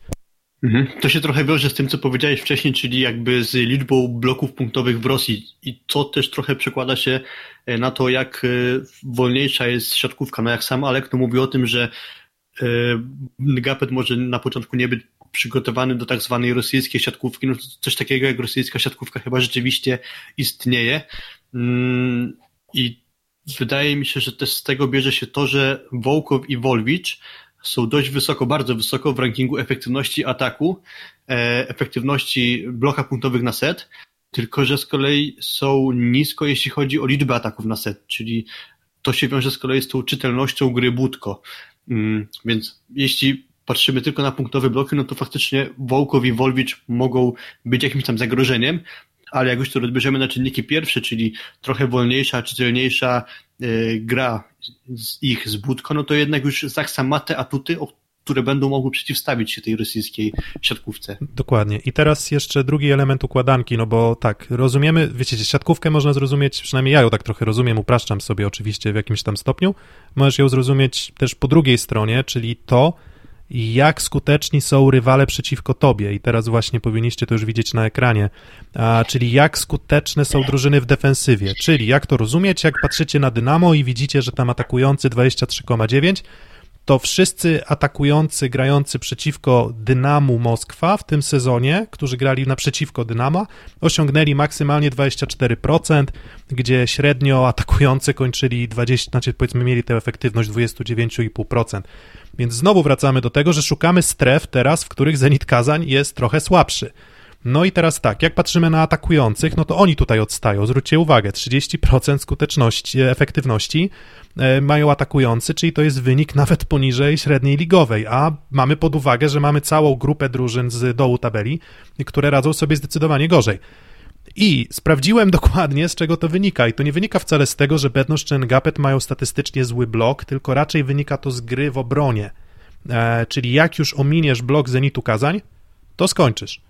I teraz znowu patrzę sobie na zawodników e, Zenitu Kazań. Ani środkowi nie są wybitni w defensywie. Dokładamy go Ubiewa, którego nie traktujemy jako top of the top libero. No i to się układa w jakąś tam układaneczkę, że... Mm, że coś nie działa po prostu, jeżeli chodzi o blok przeciwko atakującym. I teraz tak, czy to oznacza, że, że Stoniutti będzie częściej wybierał Kaczmarka? A no, przekonamy się jutro, ale wydaje mi się, że no to może być jakiś tam element układanki i ciekaw jestem właśnie, czy Kaczmarek będący w świetnej formie, e, no to dźwignie, tak, dźwignie to być może większe obciążenie, bo drugą stroną medalu jest to, że z kolei Zenit dobrze przeciwdziała e, przyjmującym, tak? Dlaczego? No bo jest Maksim Michajłow. Maksim Michajłow chyba jeden z najlepiej blokujących, atakujących na, na świecie, co tego chyba nie ma wątpliwości. Mhm, dokładnie. To też Maksim Michajłow mocno dał się we znaki PG Skrzebełchatów, która z kolei gdzieś tam wynika z tych liczb wszystkich, że na lewym skrzydle tym blokiem nie imponuje. E, tu myślę, że trochę trudniej będzie miał Michajłow akurat, ale ale z tego też wynika chyba, poprawnie Piotrek, jeśli się mylę, że Zenit ma dość słaby blok przeciwko przyjmującym, czyli ich przyjmujących, czyli naprzeciwko prawego skrzydła zakcji, czyli inaczej, prościej, Kaczmarek powinien mieć teoretycznie łatwo z Zenitem, tak? No tak, no teoretycznie wygląda to tak, jeżeli Kaczmarek ominie blok, to w, z siłą uderzenia z tego sezonu powinien poradzić sobie ze sforcowaniem obrony. A po Pucharze Polski wygląda, że jest w formie, więc możemy być chyba dobrej myśli tutaj, bo to i, atak, i, i, i zagrywka. Jakby trochę wyłączając z e, rozważań statystyki, podsumowałbym grę obronną Zenitu w taki sposób, że Michajłow jest dobry w obronie, Ngapet jest bardzo dobry w obronie, a reszta jest najwyżej przeciętna, czyli Dokładnie. Bednoż jest przeciętny, środkowi są, można powiedzieć, wręcz słabi, no i Gołubiew jest niepasujący do Zenitu moim zdaniem. No właśnie, no a gdzieś, gdzieś te, wiesz, no te strefy, gdzie stoją środkowi są zazwyczaj strefami, gdzie atakuje się, no, jakby to jest najmniej wymagający technicznie atak. Bo to jest taki, No wiesz, tak, daleki, do daleki skos, prawda? Tak, jest, dokładnie.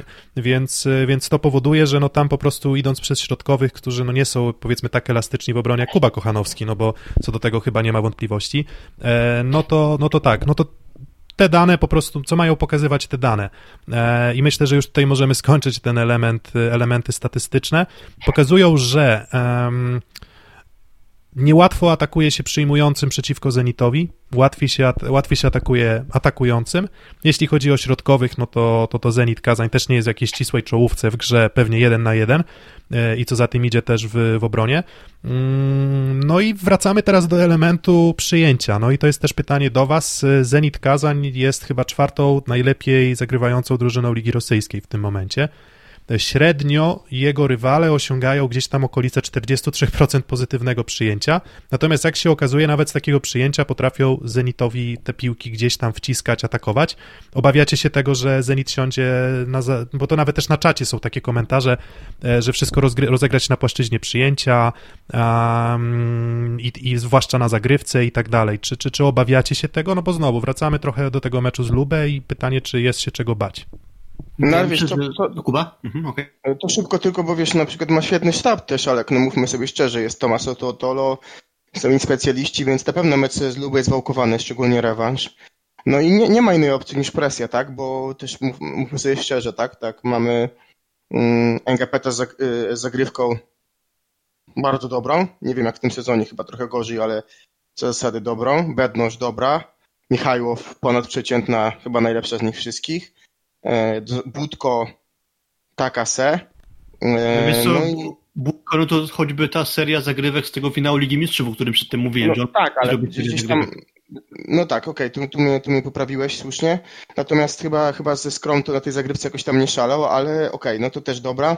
No i zostaje ten e, Volbic Y- Flot, nie najtrudniejszy, ale myślę, że łatwi, tru, łatwiejszy niż Reino. No i, i Volkow, który zagrywa z wyskoku no i to już tak naprawdę zależy jak siądzie, więc no zagrywka to Statystycznie, natomiast statystycznie e, Wolwich i Wołków są jednymi z gorzej serwujących w No ogóle w lidze i też dosyć rzadko serwują, więc mimo, że Wolwich jest flotowcem, to to, że on nie robi asów to jest jedno, a drugie, że i tak względnie mało serwuje, więc to może świadczyć o tym, że jego zagrywka nie jest zbyt kąśliwa.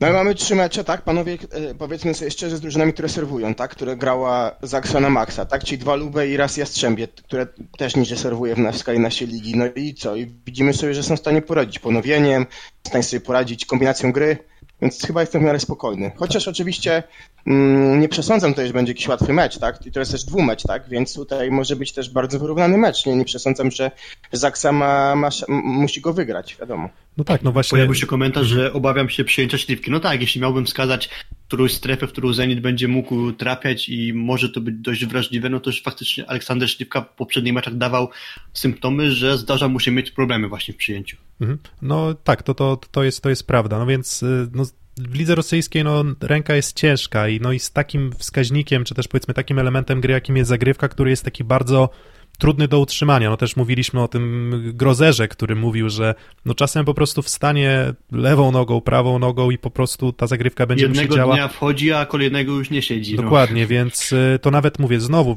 nawiążę do Ligi Rosyjskiej, no oglądałem ten mecz y, Dynama Moskwa z Zenitem Sankt Petersburg, no i jak Dynamo popełniło 11 błędów w pierwszym secie na zagrywce, no to przegrało seta, a potem popełniło dwa i zaserwowało trzy asy, no i tam zdemolowało zagrywką właśnie Zenit Sankt Petersburg. Więc no to jest bardzo zmienny element, dlatego właśnie przy tej zmienności uważam, że nie tylko zagrywka decyduje, ale decy- jakby musisz mieć dobrą zagrywkę, ale wydaje mi się, że też ta zmienność zagrywki może bardzo pomóc. Nie wiem, jak na przykład radziłby sobie ze zmienną zagrywką, nie wiem, e, śliwki, dajmy na to. Mm, Kolejna sprawa, wydaje mi się, że raczej szukanie rozwiązań technicznych będzie tutaj ważniejsze, tak? Czyli paradoksalnie te przepychanki śliwki, kiwki śliwki mogą być mm, dobrym rozwiązaniem, szczególnie jeżeli mówimy, że ta organizacja gry defensywnej Zenita nie jest e, wybitna. Mm, No, oczywiście przekonamy się, tak? No bo wiecie, no, tęższe głowy siatkarskie od nas nad tym myślą. My po prostu chcemy Wam, e, drodzy słuchacze, zarysować chociaż odrobinę tego, co my, jakby podbudowy takiej powiedzmy liczbowej i obserwacyjnej na temat tego, czego możemy się spodziewać. Mm, No i też kolejna sprawa. Jeżeli Michajłow ma dobry blok, a Budko może nie taki dobry, no to pytanie, co będzie na przykład z to, to Newt Team i jak chętnie będzie wybierał przyjmujących, którzy będą mieli naprzeciwko siebie Michajłowa. No właśnie, no nie wiadomo, nie wiadomo do końca jak to... Będzie jak to... pipe, przed w takich akcjach będzie szedł bardzo często pipe, zobaczycie jutro. No właśnie, więc, y, więc zobaczymy. Eee, zobaczymy. I, i, i, i, nie wiem, jakby bardzo Pojawił, jestem... się, pojawił się komentarz, że e, zaraz, bo mi już chyba zniknął. E, aha, że dyspozycja dnia i zagrywki mogą wchodzić. Aha, no tak, czyli w to, co mówiliśmy przy tym a propos choćby tego Grozera, który mówił, że jednego dnia siedzi zagrywka, drugiego może nie siedzieć, nie siedzieć, przy czym tym padło też, że oczywiście to dotyczy obu drużyn, nie tylko Zaksy. No to jeśli mówimy o sile zagrywki Zenita, no to z drugiej strony mamy Zaksę, która też potrafi mocno uprzykrzyć życie. Mamy ten finał Pucharu Polski, gdzie Zaksa zagrała pięć asów serwisowych do linii w piątej strefie. No to nie ma gardy na siekierę. Jeśli będą tak trafiać, no to kto by tam nie stał, no to te asy będą wchodzić. Po prostu Zaksa jest w stanie to robić. No właśnie, no więc y, nie, nie, nie, nie stawiajmy tego w takim, w takim znaczeniu, że Zaksa nie potrafi zagrywać. Zaksa jest na pewno drużyną, przynajmniej jak, przynajmniej jak ja to widzę, Zaksa jest drużyną lepiej zorganizowaną w defensywie. Zaksa jest drużyną, która chyba jednak ma troszeczkę stabilniejsze przyjęcie. E, Jest drużyną, która też potrafi odwdzięczyć się zagrywką, ma tą zmienność zagrywki i też jakby wachlarz rozwiązań technicznych dużo większy, więc y, powiem tak, czy, Zenit jest, czy ten Zenit jest ciągle wielki? No wielki już nie jest, ale jest na pewno cały czas bardzo dobry. No i to są europejskie puchary. Te, wiecie, no jak, jak Zenit będzie trafiać, hala z kibicami, 3 do 0, no to powrót z tego i wywalczenie potencjalnie złotego seta będzie bardzo trudne. Bardzo chciałbym, żeby co najmniej dwa sety Zaksa przywiozła.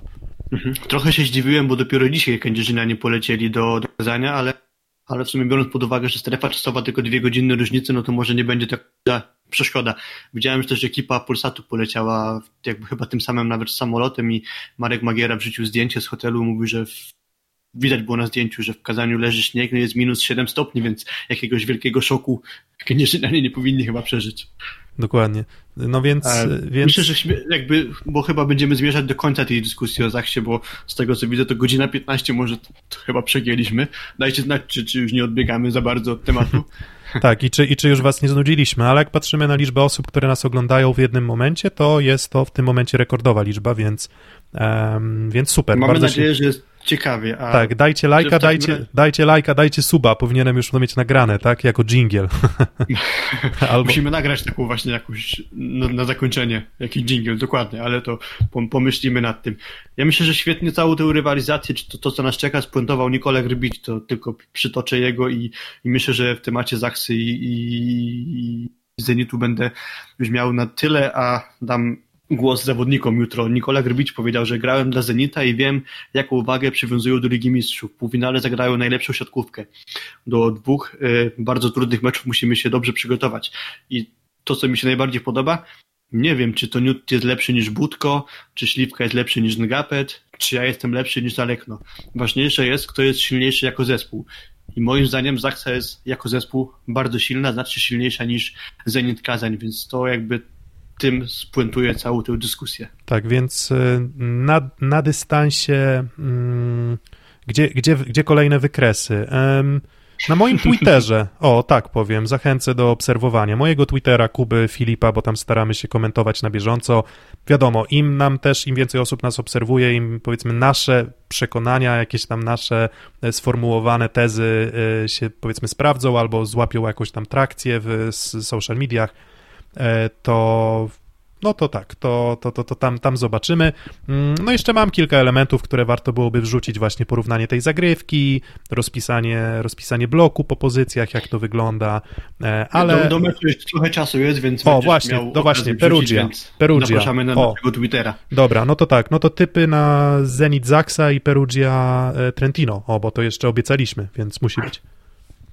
Mhm, myślę, że Zenit wygra, e, wróć, Zach, e, też na Z, ale nie Zenit, tylko Zaksa. Myślę, że jutro wygra 3 do 1. A tak na półfinał to Zaksa po prostu awansuje i zamelduje się w finale. Mhm. Ja, ja podobnie, ja też uważam, że Zaksa awansuje do finału, mm, ale spodziewam się tiebreaka jutro. Okej. Okay.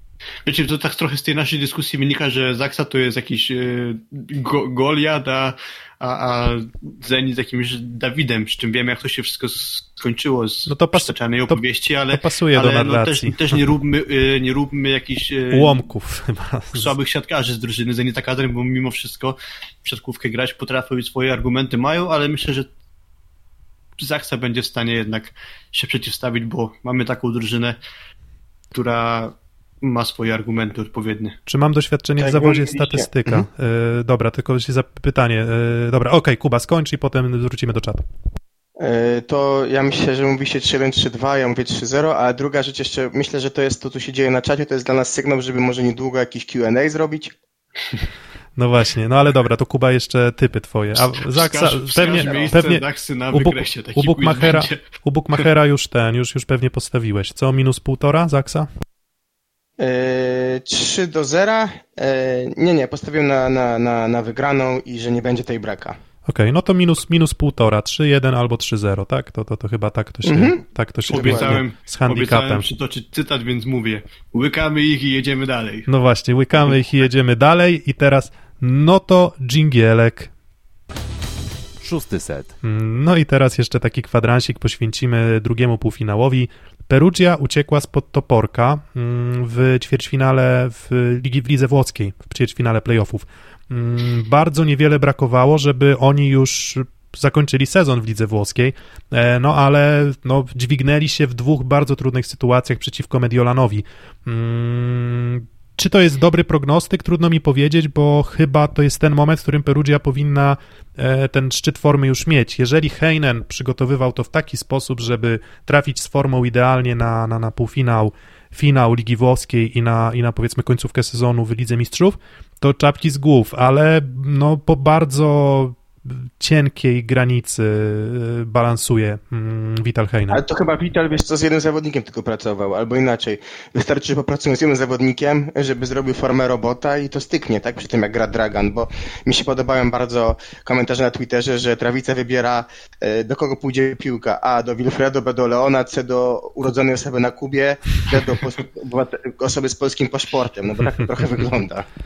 No bo nawet nie trochę, tylko bardzo. Jeszcze Maciej Muzej w razie czego by się łapał pod tą osobę z polskim paszportem. Ale właśnie, bo jak śledziliście naszego Instagrama albo Twittera, to wiedzieliście, że w weekend widzieliśmy się całą trójką w Krakowie, no i akurat miałem nieprzyjemny incydent, bo jak wracałem z tego Krakowa, to zepsuł się bus, którym jechałem, ale dało mi to więcej czasu na obejrzenie na żywo meczu Perudzi z Mediolanem, Piotrek, o którym ty wspomniałeś. No i patrząc po tym, co wtedy Perugia robiła, no to bardziej Mediolan ten, ten mecz przegrał niż Perugia wygrała, dlatego na ten moment ja uważam, że Perugia nie jest w swojej najwyższej formie i właśnie tak jak dobrze powiedziałeś, no by byli bardzo niedaleko od tego, żeby się już na poziomie ćwierćfinałów e, pożegnać z mm, rozgrywkami. To już o tym kiedyś mówiliśmy. Największy problem moim zdaniem Perugia ma z prawym skrzydłem, czyli przestawiany z przyjęcia Terhorst, mm, słabo grający Sharon Vernon Evans, e, Atanasiewicz po kontuzji dalej nie jest w swojej formie, to w ogóle zagadkowa sprawa, wiemy już, że się z Perugią żegna, no i awaryjnie sprowadzony Maciej Muza. Jeszcze niedawno, tylko na krótkie zmiany, wprowadzane, ale już swoje szanse dostał. Myślę, że nieźle się zaprezentował, ale cały ten rozgardiaż, czyli te właściwie wybory między czwórką zawodników, myślę, że nie świadczył dobrze o tym, że Perugia jest jakimś monolitem i to świetnie widać na boisku. Trochę o Zachcie mówiliśmy, to, to, że dobra, oni grają to... zawsze 101% albo potrafią zagrać 101% rywala. No to ja myślę, że Perugia te swoje sukcesy bo to jednak dalej są y, zwycięzcami fazy zasadniczej, są w ćwierćfinale, y, w półfinale Ligi Mistrzów i w półfinale Mistrzostw Włoch, no to świadczy, że jednak się trochę mm, tymi wynikami powiedzmy, że bronią, ale na zasadzie bardziej prześlizgiwania się, czyli takie 101% rywala, że nie gramy super, ale gramy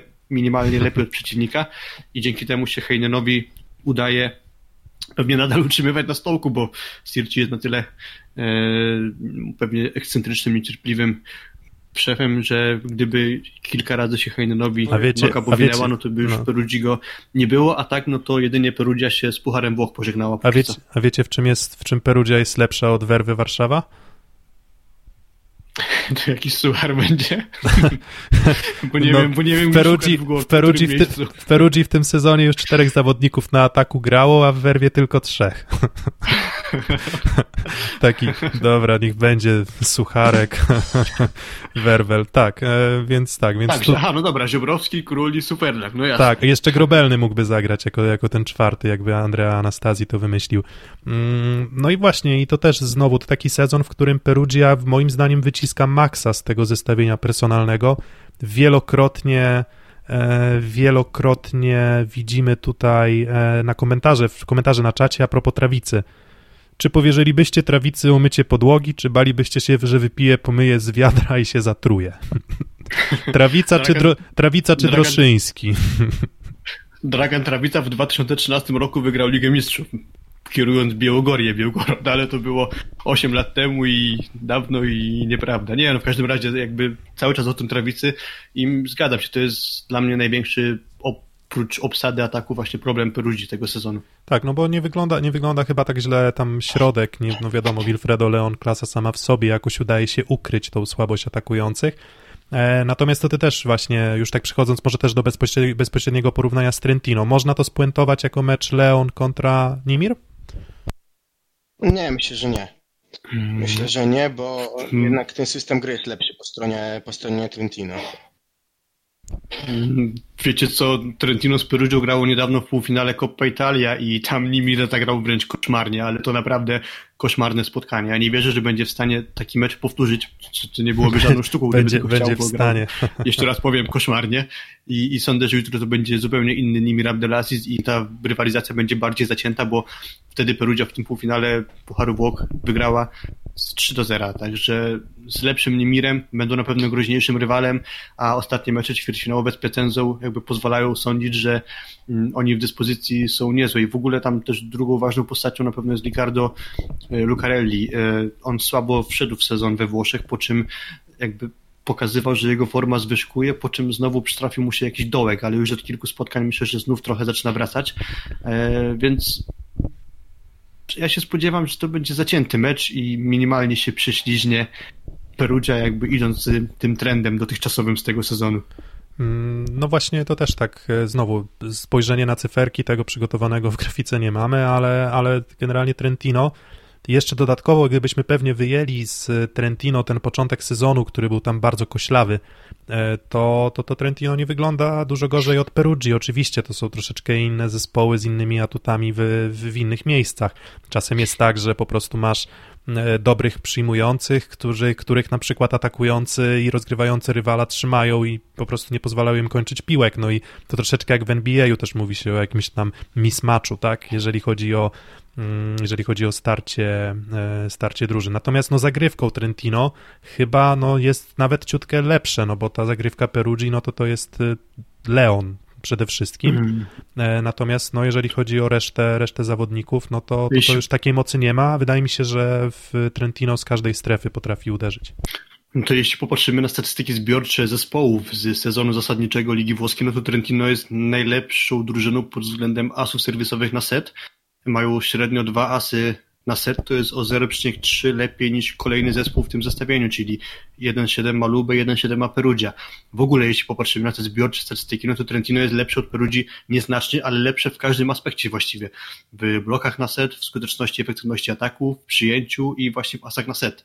Minimalnie, ale jednak lepsze, także no, to pokazuje, że jednak coś będą w stanie pewnie z siebie wykrzesać, bo, bo to nie jest słaby zespół. Ja myślę, że personalnie to trochę zawodzi Dick Coy, i to trochę rodzi problemy z tym, że musi grać e, młodziutki Alessandro Micheletta, ale pomimo tego, że jest to zawodnik młody, pewnie niedoświadczony jeszcze, no to myślę, że on na swój wiek prezentuje się bardzo dobrze i będzie w stanie być może nawet zagrać takie spotkanie, że tego Dika Koja zastąpi i nie będzie bardzo odstawał. No ale na pewno jeśli w Perudzi problem z prawym skrzydłem, no to w Trentino właśnie problem z obsady jednej pozycji na przyjęciu. Hmm, koment... Ale on wytrzyma takie Dobra. obciążenie, no bo to jest przecież koń pociągowy, tak? On dostaje po 40 piłek w każdym meczu i pytanie, kiedy, kiedy on no, trochę, nie? nie no, 40 nie, ale, ale, ale faktycznie dużo, dużo dostaje. Nie, no teraz to 40, tak? Czyli tam 37 dostał w, w meczu z Milanem teraz, tak? Mhm. No, no w każdym no, tak, meczu, no, wiesz, no, okay. proporcja jakby w Zaksie, czy nie wiem, już nie, nie wracamy, ale chodzi o to, że są drużyny, gdzie ta proporcja jest równa, tak? A tu jest, no przechył zdecydowany, tak? I pytanie, na ile on ma jeszcze zdrowie, żeby ciągnąć to w każdym meczu, bo złapie dołek, tak jak zapał w finale Copa Italia, gdzie do tego go też trochę zmusiła Lubę i jest po Perugii. Mhm. Mm, to, no tak, no, no to, to jest... To, to dobry komentarz tak. a propos jeszcze ewentualnych y, mankamentów gdzie Trentino, no to trudno się nie zgodzić, Srecko Synat jest blokofobem, czyli trochę odstaje w aspekcie bloku. Tak, no zachwyt, no znowu pamiętacie naszą tezę, że jeżeli środkowy dobrze zagrywa, to, to, to od razu ma plus jeden do umiejętności, do oceny wizualnej gry.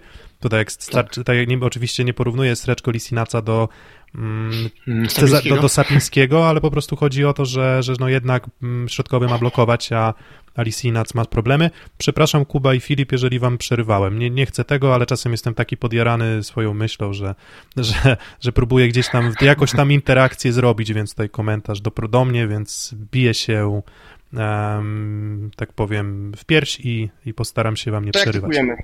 O to nie, nie odczułem tego, a z kolei myślę, że ja mam też z tym problem, że czasem się wtrącam za bardzo. No, dobra, to typy. To ode mnie, czy od... Dobra, to może być ode mnie. Mm. Hmm. Mm, Trentino. Awans. Ja, Trentino, awans, tak? awans Trentino. No, w, w, meczach trudno mi, trudno mi określić, ale, ale jakoś tak, chyba że mówię, chyba że jakby dużo do myślenia dają, dają mi mecze z Modeną przegrany, bo wydaje mi się, że jeżeli Modena była w stanie Perugię ograć 3 e, do 0, no to moim zdaniem Trentino też jest w stanie to zrobić. A i przy okazji domknąć to w drugim meczu. Dużo, do, dużo mówiło mi też mecze z Mediolanem obecne i, i, wydaje mi się po prostu taką bardzo jednowymiarową drużyną ta, ta Perugia e, w tym sezonie i, i dlatego właśnie stawiam na, na, na, na Trentino jednak. Mhm. Ja jestem mocno tutaj w tej kwestii rozchwiany, ale mimo wszystko chyba jednak wydaje mi się, że Perugia awansuje. E, i tyle, i po prostu na, na, tym się jakby ograniczę. Jeszcze jest pytanie z czasu, czy Leon ma podpisany papier w Perudzi na następny sezon. Nie kojarzę, żeby było, żeby było ogłaszane jego przedłużenie, więc chyba na ten moment oficjalnie nic nie wiemy. Chyba, że wy coś kojarzycie. No, negocjacje mogą trwać nie. trochę, realia finansowe mogą się trochę zmienić. Yy, awansuje Trentino, złoty set będzie. Wydaje mi się, że gdzieś tam będzie no, na, na Angeletki, ale jednak Trentino przejdzie. Okej, okay, czyli jeżeli poszlibyśmy naszymi typami, to, to uśredniając e, Zaksa spotyka się z Trentino w finale 1 maja. E, Ligi A pamiętacie, Mistrzów. jak żartowaliśmy z decyzji Vitala Heinena, czy tam z prośby Vitala Heinena o skrócenie e, plus ligi, no to może się okazać, że to Zaksa awansuje, Perugia awansuje i to skrócenie plus ligi na nic się zda, bo będzie finał Ligi Mistrzów z udziałem naszego selekcjonera, przyjmującego, atakującego i połowy z, z Perugii i połowy zespołu z Aksy jeszcze, także nie jest takie wykluczone, że rzeczywiście do tego dojdzie. Tak, więc oba mecze jutro, 17 naszego czasu, Zenit Kazań z grupą Azoty, y, Kędzierzyn-Koźle, grupą, grupą Azoty, Kędzierzyn-Koźle, bo pod taką nazwą występują Grupa w Lidze Mistrzów. Azoty, Zaksa, Kędzierzyn-Koźle, tak, ale w Lidze Mistrzów tak. Tak, dokładnie. No i 19 mecz Trentino z Perugią, więc taki siatkarski wieczór się szykuje. E, no i wy A, też... O, wasze typy zapytamy na Instagramie, pozwól, że powiem, będzie zaraz ankieta na Instagramie i zapytamy tam wasze typy, będziecie mogli zaznaczyć, jaki wynik, jakiego wyniku się spodziewać. O właśnie, więc tak, więc tak już kończąc, tradycyjnie dajcie lajka, dajcie suba, naciśnijcie dzwoneczki, podzielcie się ze znajomymi. No bo, bo, bo, bo dlaczego nie? W sensie was to nic nie kosztuje, a jeżeli, jeżeli wam się podobało, to, to będzie nam bardzo miło. Mamy naszego Instagrama, ukośnik szóst, szósty set i na tym Instagramie udostępniamy takie live'y, gdzie nie chce nam się rozstawiać sprzętu, nie mamy na to czasu, nie mamy na to, nie mamy na to warunków. Więc na naszym Instagramie staramy się robić takie podsumowania krótsze, żeby które zajmą gdzieś tam powiedzmy około 15-20 minut 20 e, minut max. No i tam właśnie to będzie taka nasza platforma, żeby, żeby się łączyć i tam też e, z wami gdzieś tam e, się komunikować, więc polecam.